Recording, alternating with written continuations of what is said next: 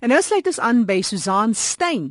Vanmiddag praat sy oor elektrisiteit vanaf windplase en sonenergie. Kom ons sluit aan by Susan.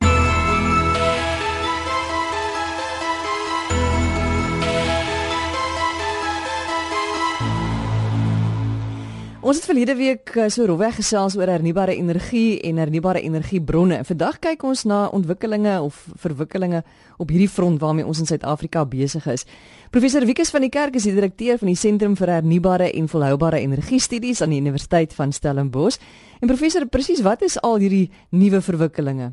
Ons is op die oomblik besig om 'n hele paar sonkragstasies en windplase te bou om jou idee te gee, die sonkragstasies wat gebruik maak van fotovoltaïese panele het ons in die omgewing van 1.5 gigawatt wat tans of in bedryf of in aanbou of wat reeds goedgekeur is. Ons het 400 megawatt van sontermiese energie en ons het amper 2 gigawatt windenergie of windplase wat in aanbou is reg oor die land. Met die projekte wat reeds goedgekeur is, kyk ons na ongeveer 4 gigawatt se opwekking in Suid-Afrika. As jy dit nou vergelyk, tans het ons met Eskom omtrent 40 gigawatt se opwekking. So dis omtrent so 10% van Eskom se opwekking gaan binnekort beskikbaar wees as ehm um, hernubare energie of van hernubare energiebronne. Maar mense moet altyd versigtig wees. Weet, opwekking is een ding, maar dit sê net vir jou, jy weet hoeveel drywing of hoeveel krag is beskikbaar. Mens moet ook kyk na hoeveel energie. So alhoewel dit 10% van die opwekkingskapasiteit sal wees, gaan dit definitief nie 10% van die energie wees nie.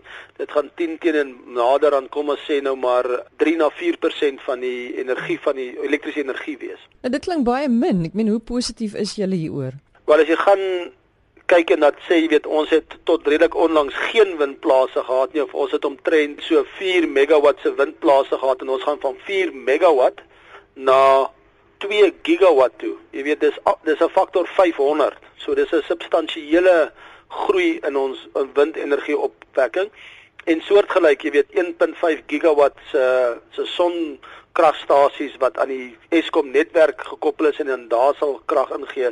Dis 'n beduidende sprong. Ek meen en dit maak Suid-Afrika op die oomblik een van die mees aantreklikste markte vir hierdie groot tipe projekte hoe verbind julle nou byvoorbeeld so 'n natuurlike kragstasie wil ek amper sê met Eskom se konvensionele kragstasies? Die netwerk in Suid-Afrika is 'n nasionale netwerk. Hy's gekoppel aan 'n klomp bestaande kragstasies soos die Steenkool kragstasie, Kuiberg hier onder, die gasturbines en ons het selfs 'n lyn wat inkom van Mosambika wat hidrokrag inbring. En terselfdertyd is hierdie netwerk dan weer gekoppel aan 'n verskriklike klomp gebruikers, jy weet van die groot aluminium smelters tot 'n boer met 'n plaas in die in die Noord-Kaap. En hierdie kragstasies word eenvoudig maar net aan hierdie netwerk gekoppel en hulle lewer dan net hulle krag in die netwerk in daar waar hulle is. Daar is bietjie kwessies rondom die stabiliteit van die netwerk wat mettertyd aangespreek sal moet word soos wat daar meer en meer van hierdie hernubare energie kragstasies op die netwerk kom omdat hulle nou nie deeltyd noodwendig aan is nie. Ek meen die windplase gaan krag produseer as die wind in daai omgewing waar 'n PV paneel produseer krag as hy son sien en as daar nou nie son is nie, waar kom 'n wolk oor, dan gaan daar 'n bietjie van sy lewering afneem en die netwerk moet voorsiening maak daarvoor. Maar lande soos byvoorbeeld Duitsland, sekere tye van die jaar of sekere dae van die jaar kry Duitsland nou 100% van sy energie van hernubare energiebronne af soos oorwegend fotovoltaïese panele en windturbines. En dit is spite van die feit dat hulle nie baie son kry nie, maar weer eens moet ons eerlik wees en sê dat dit word baie erg gesubsidieer deur die gebruikers in Duitsland of in ander lande van Europa soos byvoorbeeld Spanje en Frankryk wat soortgelyke wat ons noem invoertariewe het. Maar net op daai punt dink ek dis belangrik as jy byvoorbeeld kyk, ons het nou 3 rondes gehad van hierdie sogenaamde onafhanklike kragvoorsieners wat van hernubare energie krag aan ons netwerk voorsien. En as jy dit nou al die pryse vergelyk in 2013 rande, in die eerste ronde het die sonplase ingekom teen omtrent R1.28 per kilowattuur. Dit was die so aan die einde van 2011 gewees. In 2012 het die volgende ronde sonplase ingekom in selle 2013 rande as ons nou appels met appels vergelyk teen omtrent R1 per kilowattuur En verlede jaar het die son, ag het die wind ehm um, plase ingekom teen net so onder die 74 sent 'n kilowattuur. So jy sien dat daar van R1.28 na 74 sent was daar 'n beduidende afname in die koste van krag van of elektrisiteit dan van ehm um, windturbines af in Suid-Afrika. En daar sekere mense wat sal be beweer dat die 74 sent per kilowattuur is in baie gevalle goedkoper as van die krag wat Eskom tans opwek en in die netwerk insit. Dis beslis goedkoper as die as die gasturbines wat by Atlantis en en en en in Mossel Bay draai. Uit die aard van die saak het Eskom 'n paar ou kragstasies wat al lankal afbetaal is wat teen 'n koste baie minder as hierdie 74 sent gaan lewer en mense moet kyk na, jy weet, wat is die gemiddelde koste ja. van al die verskillende kragstasies op die netwerk. Professor, dankie is professor Wikus van die Kerk, direkteur van die Sentrum vir Hernubare en Volhoubare Energie Studies aan die Universiteit van Stellenbosch. Nou om om 'n bietjie meer uit te vind oor presies hoe hierdie windplase werk en wat daar alles gebeur, praat ons met Gerald Elers. Hy is 'n projekbestuurder by Africoast Engineers en hulle is betrokke by drie windplaas projekte wat in verskillende stadiums van uh konstruksie is. Twee is windplaasprojekte naby Oesterbaai wat uh, einde vanjaar klaar gaan wees. Ander een is naby die Tsitsikamma. Konstruksie daar begin in September. En dan is daar Metrowense van Stadens Windplaas naby Port Elizabeth waaroor ons uh, verlede week, ons het net so vlugtig verlede week daarna verwys. En die windplaas verskaf reeds krag aan die munisipale netwerk in Port Elizabeth.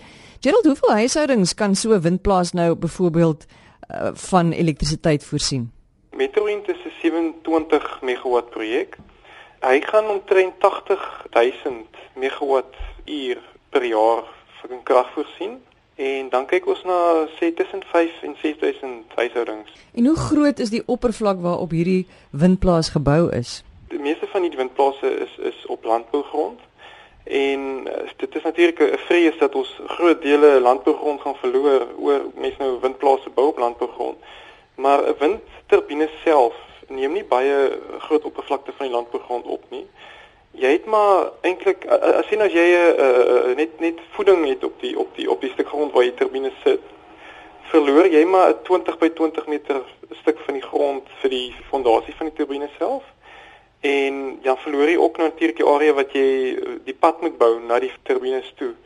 So jou jou jou hoeveelheid hektare wat jy verloor op 'n stuk grond is is presentasiegewys baie klein. Hierdie turbines moet taamlik ver uit mekaar uit neergesit word want hulle affekteer mekaar se wind. Ons kyk gewoonlik na sê tussen 2 en 3% van die die oppervlakte grond wat jy gebruik wat jy verloor deur 'n windplaas te op te sit. En hoeveel kos dit om so 'n windplaas op te rig? Die 27 megawatt windplaas uh, Metrowind, uh, die totale kapitaaluitleg is 550 miljoen rand soos die windplase groter raak, raak dit nou 'n bietjie goedkoper per per megawatt. So hierdie windplase moet opgerig word in gebiede waar daar waar daar sterk wind is wat wat wel in Suid-Afrika die geval is. Dit is eintlik nie sterk wind nodig nie, jy het net 'n konstante briesie nodig. Ons in die Oos-Kaap en as ek nou sê Wes en Noord-Kaap het taamlik 'n goeie windareas, maar die verskil tussen 'n goeie en net 'n gemiddelde windklas maak nog 'n baie groot verskil op jou opbrengs. So ons word geforseer om hierdie windplaas te sit in areas wat jy 'n baie goeie uh, windopbrengs het om om, om kompeterend te wees. Is daar enige omgewingsnadele van so 'n windplaas? Dit is 'n uh, hoe ek sê gelaaide vraag. Daar's baie prosesse in Suid-Afrika om om die ontwikkelaars te help om hulle projekte so in plekke te sit wat dit so min as moontlik invloed het en min as moontlik impak het. Ek wil nie persoonlik projekte ontwikkel wat 'n nadelige impak op een van enige aard het as jy dit kan verhoed nie. Jou grootste impak wat jy van 'n windplaas gaan hê is jou visuele impak. Daar's ongelukkig geen manier hoe jy dit kan jy kan dit kan vermy nie. Jy gaan altyd die turbines sien.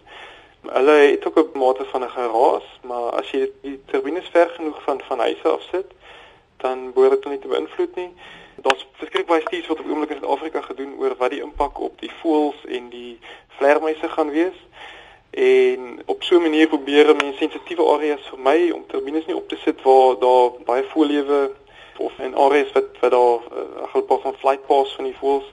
So ons probeer daai areas vermy en daar word gesien baie studies gedoen om te verhoed dat dit 'n groot permanente impak sal hê op ons voëllewe en ons vlermuislewe. Die turbines word ook opgetel deur die lughawens radar om daai rede moet mens tamelik ver weg bly van die lughawens om nie hulle radar te affekteer nie. En dan natuurlik jou gewone impakte van enige plek waar jy iets gaan eh, konstruksie gaan hê, gaan jy impak hê op jou natuur op, en mens probeer ook maar om dit so so klein as moontlik te hou. Wat die toekoms aanbetref, is daar sprake vir julle dat daar nog baie van hierdie windplase opgerig gaan word want ons het baie plek in Suid-Afrika. Kyk, die departement van energie is die program wat hulle die die, die onafhanklike program wat hulle in, in werking gestel het, is 'n baie goeie program en as mens wêreldwyd kyk, is dit seker een van die beter programme wat die regering al al in werking gestel het. En daar's ook langtermyn doelstellings. Departement van Energie se geïntegreerde hulpbronplan het ook 'n langtermynplan vir vir meer windplase en sonplase. En ek moet sê hulle hulle doen baie om local development te doen in die industrie. Daar's 'n paar fabrieke wat nou besig is om op te gaan.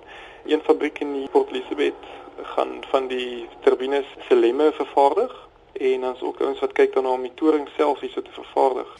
Ja, maar ons natuurlik 'n voetspoor van die manier waarop hierdie goed vervoer word na Suid-Afrika. Ja, kyk, dit maak nie heeltemal sin om staal in Suid-Afrika te vervaardig, dit uh, uit te voer na Europa toe om die turbines uh, sê die byvoorbeeld die torings daar te bou en dan weer die torings terug te vervoer na Suid-Afrika toe nie.